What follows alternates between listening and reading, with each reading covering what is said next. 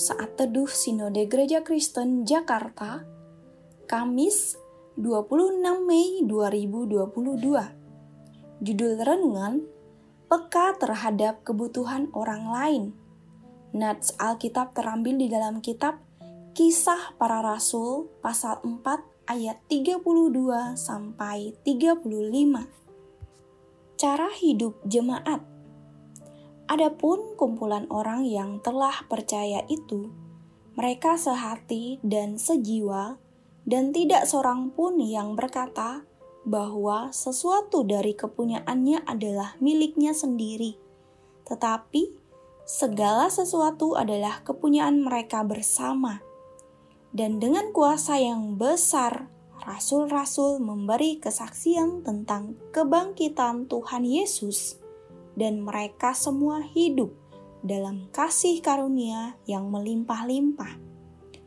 Sebab tidak ada seorang pun yang berkekurangan di antara mereka, karena semua orang yang mempunyai tanah atau rumah menjual kepunyaannya itu, dan hasil penjualan itu mereka bawa. Dan mereka letakkan di depan kaki rasul-rasul lalu dibagi-bagikan kepada setiap orang sesuai dengan keperluannya. Basil dari Kaisarea yang hidup di tahun 369 pernah mengatakan kalimat yang menohok bagi orang-orang Kristen di zamannya. Katanya, roti yang engkau tumpuk bagi dirimu sendiri adalah milik orang-orang miskin Jubah yang engkau sembunyikan di dadamu adalah milik orang-orang yang telanjang. Sepatu-sepatu yang membusuk di rumahmu milik orang-orang yang harus berpergian dengan telanjang kaki.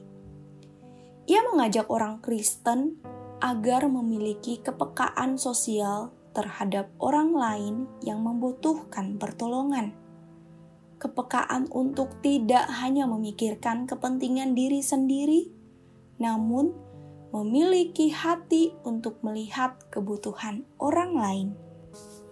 Setelah Pentakosta terjadi dan Roh Kudus berkarya dalam hidup jemaat mula-mula yang mulai terbentuk melalui pelayanan para rasul.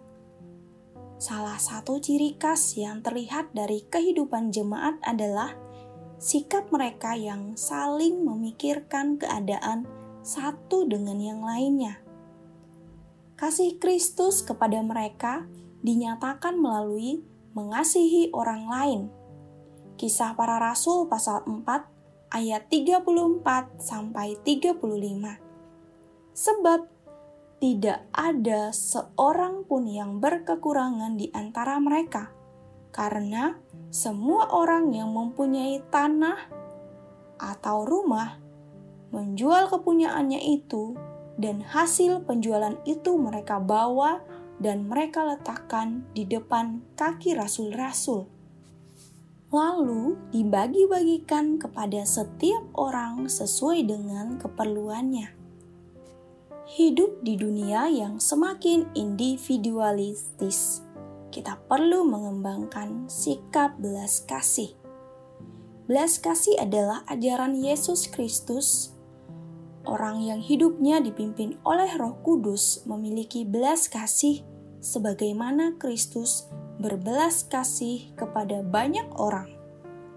Belas kasih berarti suatu usaha untuk merasakan seperti apa seseorang berpijak dalam kehidupan Belas kasihlah yang membuat kita dapat memikirkan kebutuhan orang lain. Seolah menggunakan kasut orang lain dan merasakan bagaimana ia menjalani kehidupan setiap hari. Baiklah, kita menjadi orang Kristen yang tidak hanya merasa kasihan terhadap orang yang susah, tetapi juga turut melakukan sesuatu untuk menolongnya. Orang yang dipimpin roh pasti selalu digerakkan untuk membagikan kasih Kristus kepada orang lain. Amin. Terima kasih, Tuhan Yesus memberkati.